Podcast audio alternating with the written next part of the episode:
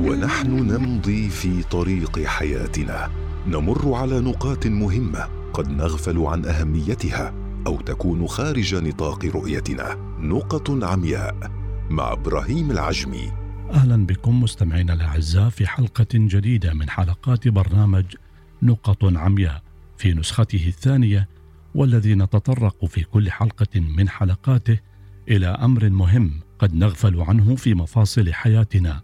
ويكون خارج نطاق رؤيتنا فنمضي في ممارسته فيشق علينا فعله أو يحرمنا الترك فوائده.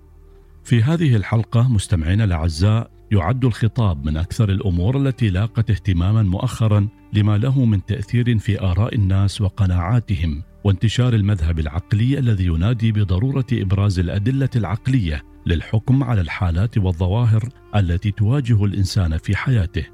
كما يعتبر الخطاب الذي يوصله الخطباء إلى مجموعة من الناس سواء كان هذا الخطاب دينيا أو سياسيا أو غيره يعد امرا واجبا تعلمه وتعلم أساسياته وإتقان محاوره. فالبعض منا يعتقد أن الخطاب هو فقط تلك الكلمة التي يلقيها البعض على المنصة إلا أن الخطاب هو أشمل من ذلك فهو يمكن أن يشمل اللوحة الفنية والأغنية والمسلسل والسينما والمسرحية وكل النصوص الشعرية والقصصية والفلسفية وغيرها من النصوص القصيرة أو الطويلة بالإضافة إلى البرامج التلفزيونية والإذاعية والإعلانات. كل ذلك يمكن اعتباره خطابا كل في مجاله وفنه ولكل جمهوره ومخاطبه. كما أن البعض يظن أن الخطاب هو مجرد كلمات توضع في عبارات وجمل يتم تركيبها بأي شكل.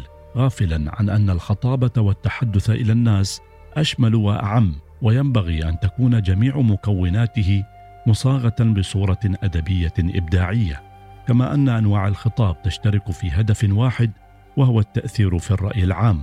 فبمجرد أن يتأثر المستهدفون بالخطاب يكون الخطاب ناجحا ويستخدم الخطيب لإيصال خطابه قناة إما عبر كتاب أو وسائل إعلام مقروءة ومسموعة ومكتوبة. أو من خلال الإنترنت والأجهزة الذكية ووسائل التواصل الاجتماعي. كما ينبغي أن يضمن الخطيب من أن يكون المخاطب والمتلقي يتميز بامتلاك حاسة التوقع والانتظار أثناء تلقيه الخطاب. كما أن كل خطاب لابد أن تكون مكوناته مستمدة من القطاع أو المجال. فالخطاب الديني يعتمد على نصوص القرآن والأحاديث النبوية، فيما يكون الخطاب السياسي معتمدا في المقام الأول على النصوص الدستورية. فالخطاب عملية ليست بالسهلة وتحتاج إلى تخصص بل يعتبرها البعض بأنها تمثل سلطة وتحدد أنماط السلوك، بل يعدها الكثير خطيرة جدا على الحياة المجتمعية إما بالسلب أو الإيجاب. فعلى كل فرد أو هيئة تريد أن تخاطب جمهورا من البشر ينبغي أن تدرس التأثيرات الإيجابية والسلبية لذلك الخطاب وليس الاكتفاء بتحديد الإيجابيات كما يظن البعض. فبعض الخطابات قد يكون لها تأثير غير مرغوب في المجتمع فقد تحتوي على نبرة تعصبية أو انحيازية أو أنها تكرس الأحقاد والاختلافات بين البشر سواء في فكرهم أو عقيدتهم. فلذا تحرص الكثير من الأنظمة في العالم على أن يكون أي خطاب موجه للناس خاليا من كثير من النزعات التي تكرس للفوضى والخلافات. وأما أن يترك الحبل على الغارب فهو ليس مما يحمد عقباه. فهناك من الشواهد التاريخية التي تدلل على انتشار الخطابات السياسية والاجتماعية التي تنتمي إلى تحزبات دينية أو سياسية أو تقسيمات مناطقية. عانت منها دول وما زال يعاني منها الكثير.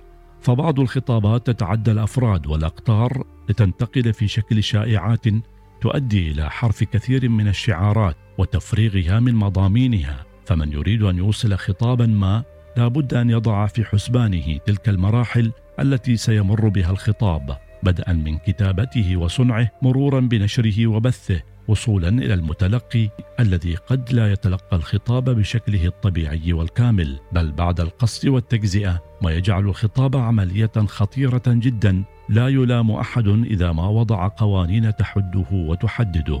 في هذه الحلقة مستمعينا الأعزاء وجهنا الضوء على نقطة من النقاط التي يغفل عنها البعض أو تكون خارج مجال رؤيتهم وهي أنهم يظنون أن الخطاب هو فقط التحدث وأنه عملية متاحة للجميع دون أي قيود متغافلين عن خطورة الخطاب الذي بات في عصرنا متعدد الصور والأشكال على أمل أن نلتقي مع نقطة أخرى من نقط عمياء.